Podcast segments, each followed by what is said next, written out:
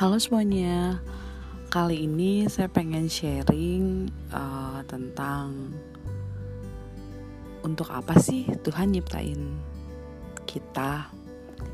Kalau sekarang saya berpikir uh, Tuhan ciptain saya itu untuk apa? Tuhan ciptain kita itu untuk melakukan pekerjaan yang baik tapi kita perlu mencari sendiri tentang tujuan Tuhan dalam hidup kita. Kita harus bergaul dekat sama Tuhan, sehingga kita dapat mendengar suara Tuhan.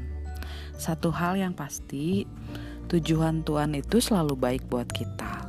Walaupun terkadang kita diperhadapkan dengan tantangan yang begitu luar biasa, tapi percayalah dengan penuh pada Tuhan.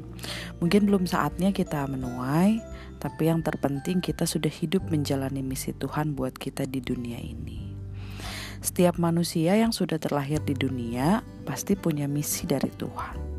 Tidak peduli dengan latar belakang mereka dilahirkan, tapi Tuhan selalu punya sebuah misi yang mulia untuk manusia.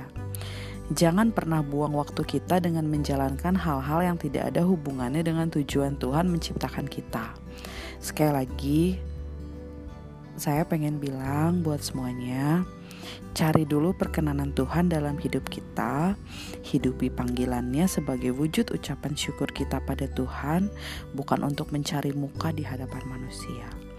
Nggak peduli apa pun panggilan Tuhan dalam hidup kita, kerjakanlah dengan sungguh-sungguh, seperti kita melakukan untuk Tuhan, bukan agar dilihat baik oleh manusia.